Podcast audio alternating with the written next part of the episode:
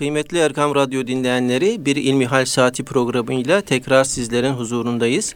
Yüce Rabbimizin selamı, rahmeti ve bereketi hepimizin üzerine olsun inşallah. Sizlerden gelen soruları pek muhterem hocam Doktor Ahmet Hamdi Yıldırım'a tevcih ediyoruz ve kendisinden cevapları alıyoruz elhamdülillah. Muhterem hocam dinleyenlerimizden şöyle bir soru bize ulaşmış dinleyenimiz muhterem hocam demiş. Radyoda yaptığınız birkaç programda herkesin nasıl bir doktoru var ise onun gibi herkesin de danıştığı bir hocası olması lazım gelir demiştiniz. Ancak dini bilgisi derin olmayan bizler, şeytani emelleri olan tırnak içinde hocaları nasıl bileceğiz diye sormuş. Evet. Elhamdülillahi Rabbil alemin ve salatu ve selamu ala Resulina Muhammedin ve ala alihi ve sahbihi ecmain. Bu biraz da e, gündeme de dair bir soru olmuş oldu. Hakikaten din bilgisi çok önemli bir alanı işgal ediyor. E, şöyle bir lüksümüz yok. Ben dinimle ilgili bilgileri başkasından alırım, öğrenirim. Bununla ilgili bir çalışma yapmama ihtiyaç yok. Böyle bir şey deme imkanımız yok.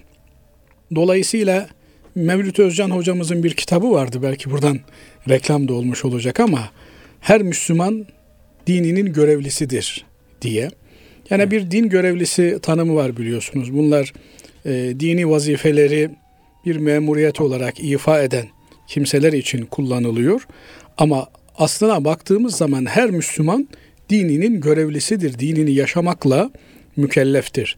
Binaenaleyh her Müslüman yaşamakla mükellef olduğu dinini asgari düzeyde bilmekle yükümlüdür.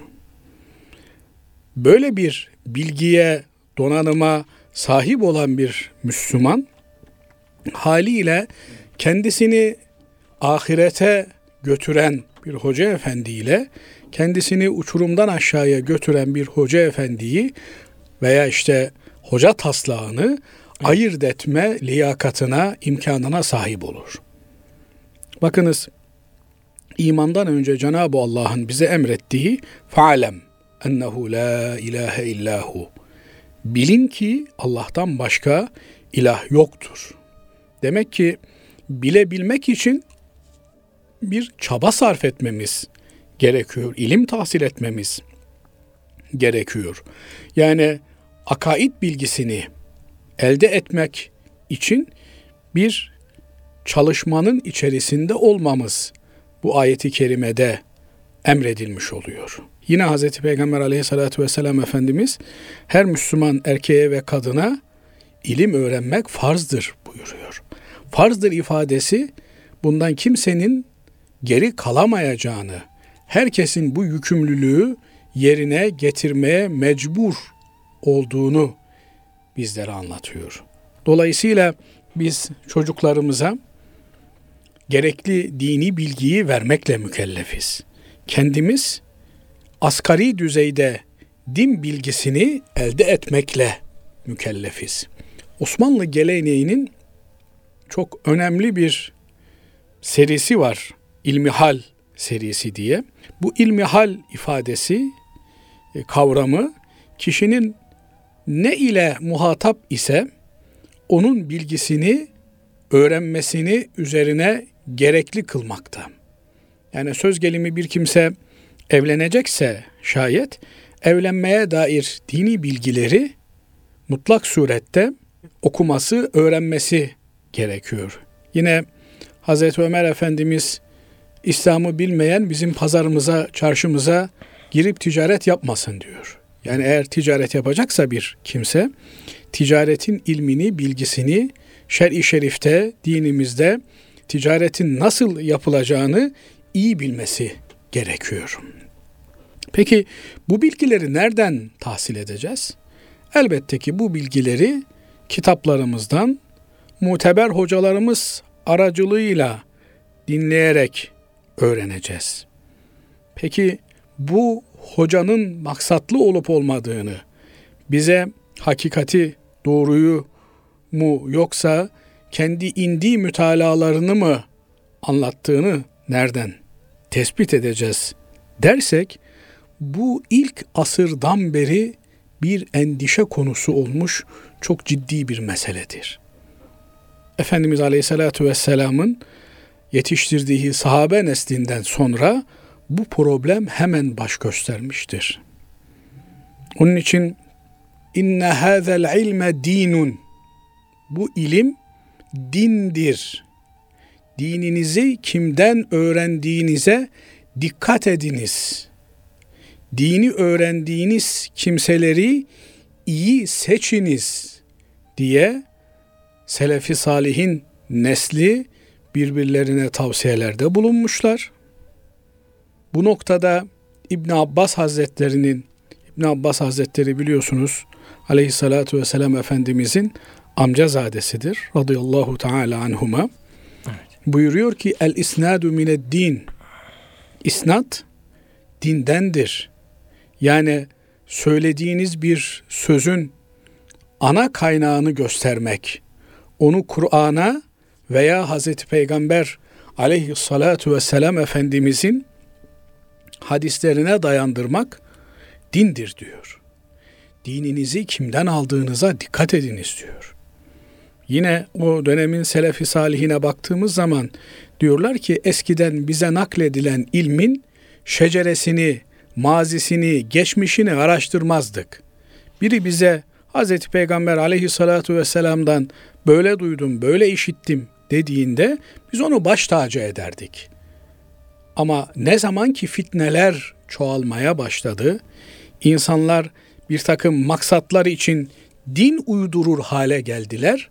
O zaman diyor biz dikkatli davranmaya, her şeyin kökünü, kökenini araştırmaya başladık diyor. Hatta zaman zaman konuştuğumuz bir konudur Basri Hocam. Evet. İmam Gazali Hazretleri İhya Ulumiddin adlı eserinin başında bir giriş yapar. ilim kitabıyla bir giriş yapar. İbn faziletlerinden bahseden hadislerden bir tanesi de Allah kime hayır murad etmiş ise onu dinde fakih kılar.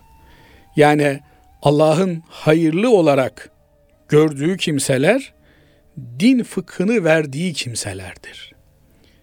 Veya bir başka ifadeyle dinde ince kavrayış, yorum e, imkanına sahip olan kimseler bu ümmetin hayırlı insanlarıdır.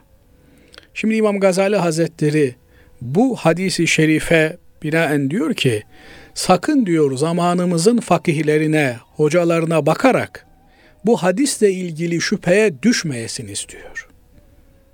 Evet. Yani bakıyorsun zamanımızda bir hoca bunun neresi hoca diyorsun ya? Bunun bunun yaptığı şeytanlıkları şeytan bile yapamaz diyorsun. Madem hayırlı insanlar hoca oluyordu, böyle bir hadis var. Evet. Bu adam hoca ise o zaman böyle bir hadis boşa çıkmıştır. Bu hadis yalandır deme diyor. Deme diyor. Ne zaman diyor bunu? Hicri 505'te vefat ediyor İmam Gazali Hazretleri. Evet. 10-15 sene önce eserini yazdığını düşünecek olursak evet. demek ki Hicri 5. asrın sonlarına doğru bu sözü söylüyor. Evet. Zamanımızın hocalarına bakarak diyor. Bu hadisle ilgili şüpheye düşme. Çünkü diyor hadisin sözünü ettiği fıkıh bu adamların iddia ettikleri fıkıh değil diyor. Nedir fıkıh? Ha, orada bizzat kendi cümlesiyle İmam Gazali Hazretlerinin diyor ki fakih olmanın asgari standardı ahiretin dünyadan hayırlı olduğunu bilmektir diyor. Bakınız bir düzen kurmuş. Evet. O düzende insanların dünyalarını çekip çevirmekle meşgul. Halbuki hoca dediğiniz insan insanların dünyalarına değil, insanların ahiretlerine ilişkin endişelerinden hareket eder. Yani cehenneme girmemesi için insanların uğraşır. Dünyada çok para kazanacakmış, az para kazanacakmış, onunla işi olmaz. Diyor ki İmam Gazali Hazretleri, asgari standart, din alimi, din hocası olabilmenin asgari standardı ahiretin dünyadan hayırlı olduğunu bilmektir. Ahiret endişesi taşımaktır. Ama bakıyorsunuz kendini hoca zanneden bir takım kimseler diyorlar ki bana dünyasını değil ahiretini de feda eden insanlar lazım. Ahireti ne için feda edeceksiniz? Ahiretinizi feda ettiniz mi? Ne kaldı geride? Dolayısıyla Aleyhissalatü vesselam Efendimiz buyuruyor ki yanında olduğunuzda Allah'ı hatırladığınız insanlar onlardırlar Allah'ın salih kulları. Salihlerle beraber olunuz, sadıklarla beraber olunuz. Bakın burada da aslında önemli bir işaret var. Yani devamlı aynı kimseyle oturup kalkmak, başka birinden istifade etmeyi engellemek bu da çok ciddi ve yanlış bir husustur. İmam Nevevi Hazretleri'nin ki İmam Nevevi e, genç yaşta 40'lı yaşlarının başında vefat etmiş bir hoca efendidir. Allah gani gani rahmet eylesin. Amin. Evliyanın lideri diye adlandırılmış, yazmış olduğu Riyazu Salihin adlı hadis mecmuası, hadis derlemesi Kur'an'dan sonra en fazla basılmış, okunmuş kitap olma özelliğini taşıyor. Bu zat Ettibyan fi adabi hameletil Kur'an adlı eserinde diyor ki benim bir talebemin diyor bir başka hoca efendiden istifade etmesinden ben memnun olurum diyor. Halbuki bizde öyle bir gelenek de vardır Basri Hocam. Yani bir hoca efendinin talebesi o hocadan başka kimseden gidip ders almaz, istifade etmez. Diyor ki İmam Nevevi Hazretleri, böyle olunuyor işte evliyanın zirvesi. Ben diyor eğer talebemin başkalarından gidip istifade etmesinden rahatsız olursam diyor, bu bir münafıklık alametidir diyor. Halbuki diyor benim şöyle düşünmem lazım diyor. Benden istifade etti. Ben elimden gelen kadarıyla ona yardımcı olmaya çalıştım. Onun daha fazla ilim öğrenme, başkalarından da istifade etme hakkı vardır. Ben vazifemi yaptım diyor. Yani maksat dükkan büyütme endişesi değil sayıyı çoğaltma endişesi değil. İşte benim şu kadar talebem var, benim şu kadar müessesem var, şu kadar şuyum var, bu kadar buyum var değil. Önemli olan Allah'ın dinini olduğu gibi aktarabilmek ve öğretebilmektir. Bu hususta aleyhissalatu vesselam Efendimizin şu hadisi ümit ediyorum ki hepimiz için bir siperi saikadır, bir paratonerdir, ee, her türlü tehlikeye karşı bizleri koruyucu bir kalkandır. Efendimiz Aleyhisselatü Vesselam buyuruyor ki ben vefat ettikten sonra size iki şeyi bırakıyorum diyor. Allah'ın kitabını ve sünnetimi bırakıyorum diyor. Bunlara sarıldığınız sürece asla dalalete düşmezsiniz diyor.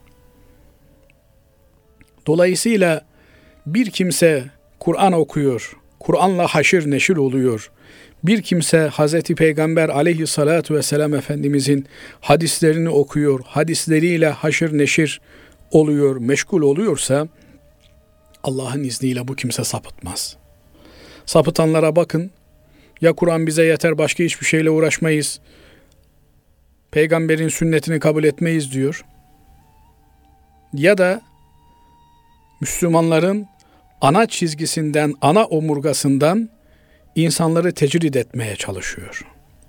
Bizim camimiz cemaat yerimizdir. Bizim cemaatlerimiz cami cemaatleridir. Dolayısıyla camiden koparan, camiden uzaklaştıran hiçbir akım, hiçbir görüş hak ve hakikati temsil etmiyordur. Efendimiz Aleyhisselatü Vesselam sapık dahi olsa önünüze geçen imamın arkasında namaza durun diyor. Sallu halfe külli birrin ve facirin. İyi ve facir, günahkar, sapık bir kimse de olsa ehli sünnetten olmak kaydıyla arkasında namaz kılın diyor. Onun için camileri terk eden, camileri dışlayan bir cemaat anlayışı tehlikeli bir anlayıştır. Binaenaleyh bir insan Kur'an okuyor, Hazreti Peygamber aleyhissalatü vesselam Efendimizin hadislerini okuyor ve camiye cemaate devam ediyorsa bu insan Allah'ın izniyle sapıtmaz. Ama şunu da hatırlatmakta fayda var. Büyüklerden birinin çok güzel bir lafı var. Yani 30 sene önce duymuşumdur bu lafı. O gün bugün böyle bir altın levha şeklinde gönlüme kazımışımdır. Diyor ki ya Rabbi diyor en sevdiğim şey imanım diyor. En korktuğum, endişe ettiğim şey bu imanın benden alınması diyor. En emin olduğum tek şey de diyor bu korku bende olduğu müddetçe, bu endişeyi taşıdığım sürece sen bu imanı benden almazsın diyor. Ama ben oldum artık bundan sonra Allah'ın izniyle bana hiçbir tehlike gelmez gibi insan kendi kendini kurduğu zaman o zaman Allah muhafaza etsin şeytan her yerden saldırır ve insanı yoldan çıkartabilir. Onun için bizim ehli sünnet çizgisinin temel düsturlarından bir tanesi beynel havfi ve raca. Korku ile ümit arasında bir yol takip etmek. Yani cennete bir kişi girecek, diğer herkes cehenneme girecek denildiğinde o cennete girecek olan kişi benim diye bir insan düşünecek. Cehenneme bir kişi girecek, diğer herkes cennete gidecek denildiğinde de Allah muhafaza etsin o cehenneme atılacak gidecek olan insan ben olabilirim diye endişe edecek. Dolayısıyla bu endişeyi ölene kadar bir insan taşıyacak. Nitekim ayeti kerime Müslüman yaşayınız demiyor. Ne diyor? La temutunne illa ve entum. Sakın ha sakın Müslüman olmanın dışında hiçbir şeyle ölmeyin diyor.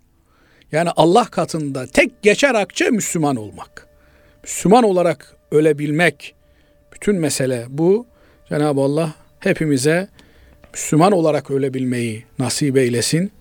Kelime-i şehadetin ikrarı üzere bir hayat yaşamayı ve o şekilde bu hayattan ebedi hayata intikal etmeyi hepimize müyesser eylesin. Amin. Allah razı olsun. Ee, yine birinci soruyla biraz bağlantılı e, ikinci bir sorumuz var muhterem hocam. Fırka, cemaat, tarikat kavramları ne demektir? Cemaate dahil olmak dinen lüzumlu mudur? Yedullahi fevkal cemaa sözünün bu manada anlamı nedir demiş bir dinleyenimiz. Evet cemaat kelimesi ehli sünnet ve cemaati ifade eder. Ehli sünnet ve cemaat ifadesi yani Hz. Peygamber aleyhissalatu vesselam Efendimizin sünnetini takip edenler ve onun sünnetini takip eden cemaatle beraber olanlar. Sahabe-i kiram efendilerimizle beraber olanlar ve sahabe neslinin ardı sıra gidenlerle beraber olanları temsil eder. Fırka kelimesi fraksiyon, ayrı bir grup oluşturma anlamına geliyor. Efendimiz Aleyhisselatü Vesselam bir hadis-i şeriflerinde ümmetim 70 küsür, 73 fırkaya ayrılır. Bunlardan 72 tanesi cehennemde, bir tanesi benim ve ashabımın yolunu takip edenler cennettedir buyuruyor. Benim ve ashabımın dediği yani bizim cemaatimizin, ümmeti Muhammed'in, Müslümanların yolunu takip edenler, onlar sadece fırkayı naciye, kurtuluşa ermiş olan gruptur. Dolayısıyla cemaat kelimesinin özünde bu vardır. Ha mecazi olarak işte filan hoca efendinin talebeleri o hoca efendinin cemaatini oluştururlar. Onun arkasından giderler, yolundan giderler. Türünden cemaat ifadesi kullanılmaktadır. Fakat bu cemaat o büyük cemaatin içerisinde tabiri caizse işte büyük bir ordu düşünün. O ordunun içerisinde Tugay vardır, bölük vardır, işte ne bileyim takım vardır, manga vardır vesaire bir iç ayrışmayı ifade eder. Ama bunların üstündeki temel nokta Müslüman olmaktır. Müslüman olmaya halel getirecek, Müslüman kardeşliğini zedeleyecek her türlü yapı ayrıştırıcı bir unsur ifade eder ki bu Allah katında lanetlenmiştir. Müslümanların bölünmesine, parçalanmasına yol açan her türlü yapı Allah katında lanetlenmiş bir yapıdır. Şeytanın lanetlenmiş olan, taşlanmış, kovulmuş olan şeytanın hizmetkarlığıdır. Dolayısıyla bizler Ahmet, Mehmet, Hasan, Hüseyin farklı hoca efendilerden ilim öğrenmiş, edep öğrenmiş, yol öğrenmiş kimseler olabiliriz. Ama bunların hepsi Müslüman cemaati altında erimemiş ise eğer bir tehlike teşkil eder. Ama Müslüman ruhu içerisinde erimişse ve nasıl ben kendi hocama saygı gösteriyorsam, benim hocamın talebelerine kardeş gözüyle bakıyorsam, diğer hoca efendilere de onların talebelerine de kardeş gözüyle bakma mecburiyetim var. Nitekim aleyhissalatu vesselam Efendimiz imanın rüknünü şu hadisiyle ortaya koyuyor. Diyor ki sizden biriniz kendi için arzuladığını, istediğini, sevdiğini din kardeşi için de istemedikçe, arzulamadıkça, sevmedikçe iman etmiş olamaz. Senegalli bir Müslümanın efendim Burkina Fasolu bir Müslümanın, Endonezyalı bir Müslümanın, Nijeryalı bir Müslümanın, Meksikalı bir Müslümanın benden hiçbir farkı yok. Belki Allah katında onlar benden çok çok daha üstün olabilirler. Dolayısıyla ben İslam gözüyle bakmaz, onları kardeş olarak görmez. Kendim için sevdiklerimi onlar için de sever hale gelmezsem, gelemezsem o zaman benim imani bir tehlikem söz konusudur. İslam muhabbet üzere kaimdir. Dolayısıyla Allah'ı sevmek, Resulünü sevmek nasıl imanın bir parçasıysa Müslümanları sevmek de, bütün müminleri sevmek de imanın bir parçasıdır. Dahası bütün insanlığı sevmekle mükellefiz. Çünkü sevmediğiniz bir kimseyle sevdiğiniz şeyleri nasıl paylaşacaksınız? Biz bütün insanların hidayet bulmasını arzu ederiz. Müslüman olmalarını arzu ederiz. Onların da İnşallah bizimle beraber cennete gelmelerini arzu ederiz. Sevmediğiniz bir kimse için en değerli şeyiniz olan bu kutsal değerlerinizi nasıl paylaşabilirsiniz ki? Dolayısıyla birbirimizi sevmeye ihtiyacımız var. Allah için sevmeye ihtiyacımız var.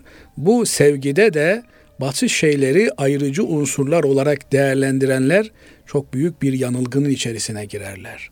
Bir Müslümana tepeden bakma lüksüne asla bir Müslüman sahip değildir. Ben hakkım, hakikatim, seninse gittiğin yol yol değil. Böyle bir lükse sahip değil. Ha, bir yanlış yapıyorsa bu kitap ve sünnet çerçevesinde bir yanlıştır. Kardeşim Allah örtünün diyor, sense örtünmemeyi teşvik ediyorsun. Senin yolun yanlış. Bunu dersiniz. Ama bizim cemaatte böyle de siz öyle değilsiniz ondan dolayı siz yanlış yoldasınız diyemezsiniz. Allah muhafaza etsin. Biz cemaatlerle çünkü Cenab-ı Allah Kur'an-ı Kerim'de öyle diyor. Yevme ned'u kulle unasin bi imamihim. Her insanı imamıyla çağıracağız diyor. Herkesin bir önderi var, bir lideri var. Takip ettiği, izinden gittiği, kendisine örnek aldığı şahsiyetler var. İşte binlerce insan moda ikonlarını takip ediyorlar. Onlar gibi giyinmeye, kafalarını onlar gibi tıraşlamaya çalışıyorlar. Kim kimin peşinden gidiyorsa onunla haşrolunacak. Biz de ona göre kiminle haşrolunmayı istiyorsak seçimimizi ona göre yapacağız. Elbette İslam bir cemaat dinidir. Tek başına yaşanılabilecek bir din değildir. Tek kalırsanız kurda, kuzu, kuşa yem olursunuz. Dolayısıyla bir cemaat yapısı içerisinde korunaklı, mukavemetli bir hale geliyoruz. Ama İslam'ı yaşamak için sığındığımız bu kaleler İslam'ın ana gövdesinden bizi ayırır hale gelirse Allah muhafaza etsin o zaman farkında olmadan bizi cehenneme kütük yaparlar. Allah korusun. Muhterem hocam İslam'da vasiyetin önemi nedir diye sorulmuş. Evet, e, vasiyet etmek bir sünnet. Hazreti Peygamber aleyhissalatü vesselam Efendimiz vasiyetini yanında bulunduruyordu. Her Müslümanın vasiyeti yanında olmalı. Çünkü vasiyet ölümden sonrasına ilişkin tasarrufları dile getiriyor. Talepleri dile getiriyor. Ee, olabilir ki bizim e, günlük hayatımız içerisinde, planlamalarımız içerisinde bir takım borçlarımız, alacaklarımız, bir takım üzerimize düşen, ödenmesi gereken haklar bulunabilir. Bunları söz gelimi işte iki ay sonra ödemeyi taahhüt etmişiz. Üç gün sonra yapmayı taahhüt etmişiz. Ama ölümün ne zaman geleceği belli değil. Ölüm bize her an gelebilir. Hiç beklemediğimiz, ummadığımız bir anda gelebilir. Su içerken bile Allah muhafaza eylesin. Su nefes borusuna kaçar. Ee, bir anlık bir hadise e, insan ölü verir, gider. Cenab-ı Allah hepimize hayırlı hayatlar ve hayırlı ölümler nasip müyesser etsin vakti saati Amin. Dolayısıyla vasiyetin hazır olması aynı zamanda ölüme bir hazırlık anlamına da gelmektedir. Neler olabilir vasiyetin içerisinde?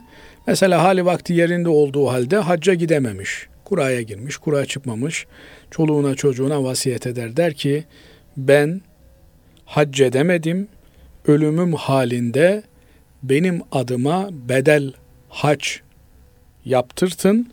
Bununla ilgili de işte söz gelimi ben 5 bin lira 10 bin lira ayırdım. Efendim zekatı ile ilgili borcu olabilir. Der ki ben bu senenin zekatından 3 bin lirayı ayırmıştım. Ölümüm halinde o 3 bin lirayı fakirlere ödeyiniz. Yine namazıyla ilgili, orucuyla ilgili, kefaretleriyle ilgili bir sıkıntı olabilir. Bunları yerine getirebilir. Veya işte bazen oluyor filan yerin tapusu benim üzerime ama bakın çocuklar benden sonra benim varisim olacaklar. Tapu benim üzerimde ama oranın mülkiyeti bana ait değil. İşte filan yere aittir. Onu yerine iade ediniz. Bunlar hep hayatın içerisinde olabilecek şeylerdir. Bunun haricinde işte genel geçer şeyler evlatlarına vasiyet edebilir. Efendim aman birbirinizde iyi geçininiz. Amcanızı ziyareti ihmal etmeyiniz. Halanıza gidiniz, teyzenizi ziyaret ediniz vesaire. Bu tür tavsiyelerde bulunabilir. Vasiyetin bu şekilde mali olarak, finansal olarak karşılığı bırakılarak yapılanların yerine getirilmesi bir mecburiyettir, farzdır. Biz ölmüş kişinin mirasını, vasiyetlerini yerine getirdikten sonra taksim ederiz. Fakat bu farz olan borçları haricindeki vasiyetleri söz gelimi bir kimse ben öldükten sonra arabamı filan camiye bağışladım diyebilir. Veya işte kitaplarımı filan talebeye vasiyet ettim diyebilir. Veya işte benim servetimin içerisinden 100 bin lirayı, 5 bin lirayı, 300 lirayı filan fakir kimseye verin diye vasiyet edebilir. Bu tür nafile olan vasiyetler, teberrular ölümle beraber kesinlik arz ederler. Fakat mirasın üçte biri içerisinde bağlayıcıdırlar. Söz gelimi bir kimse vefat ettiğinde 400 bin lira parası var diyelim. Bunun 100 bin lirasıyla cenaze hizmetleri görülmüş, defnedilmiş, geriye 300 bin lira parası kalmış. Bu 300 bin liranın 100 bin lirası içerisinde vasiyetleri yerine getirilir. Eğer 300 bin lira bırakmış filan derneğe, filan vakfa, filan fakire veya filan kardeşime, komşuma, filan ağabeyime 150 bin lira verin diye vasiyet etmişse 300 bin liranın içerisinde 100 bin lira verilir.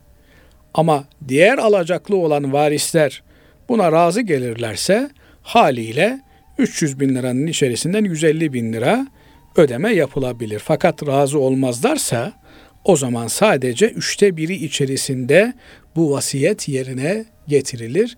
Üçte ikilik kalan bölüm mirasçılarına taksim edilir. Bir başka husus da bu tür mali haklar doğuran vasiyetler e, mirasçılara yapılmaz. Mesela e, vefat ettiğinde adamın geriye üç tane oğlu kalmış mirasçısı olarak. Onlardan bir tanesine ayrıcalık getirecek olan bir vasiyet yapılmaz. İşte büyük oğluma arabamı vasiyet ettim. Olmaz. Vasiyet mirasçıya yapılmaz. Miras alamayacak durumda olan akrabalara yapılabilir veya başkalarına yapılabilir. Bir de Osmanlı'nın son döneminde özellikle uygulamaya girmiş olan vasiyeti vacibe diye bir mesele var ki e, bu da dede hayattayken çocuklarından biri vefat ettiğinde o vefat eden çocuğundan torunları varsa mirasından ona da vasiyet yoluyla bir aktarımda bulunabilir. Biz buna Anadolu'da dede yetimi diyoruz. Ee, biliyorsunuz mirasta vefat eden kişinin çocukları varsa onlar birinci derecede mirasta hak sahibi oluyorlar. Onlar varken torunlara intikal etmiyor. Ama torunlardan bir kısmının babası vefat etmiş. Dolayısıyla onlara intikal edemeyecek durumda ise bu durumda dedenin ivedilikle mirastan hak sahibi olamayacak olan o torunlarının lehine vasiyette bulunması gerekir. Bunu da ihmal etmemek lazım.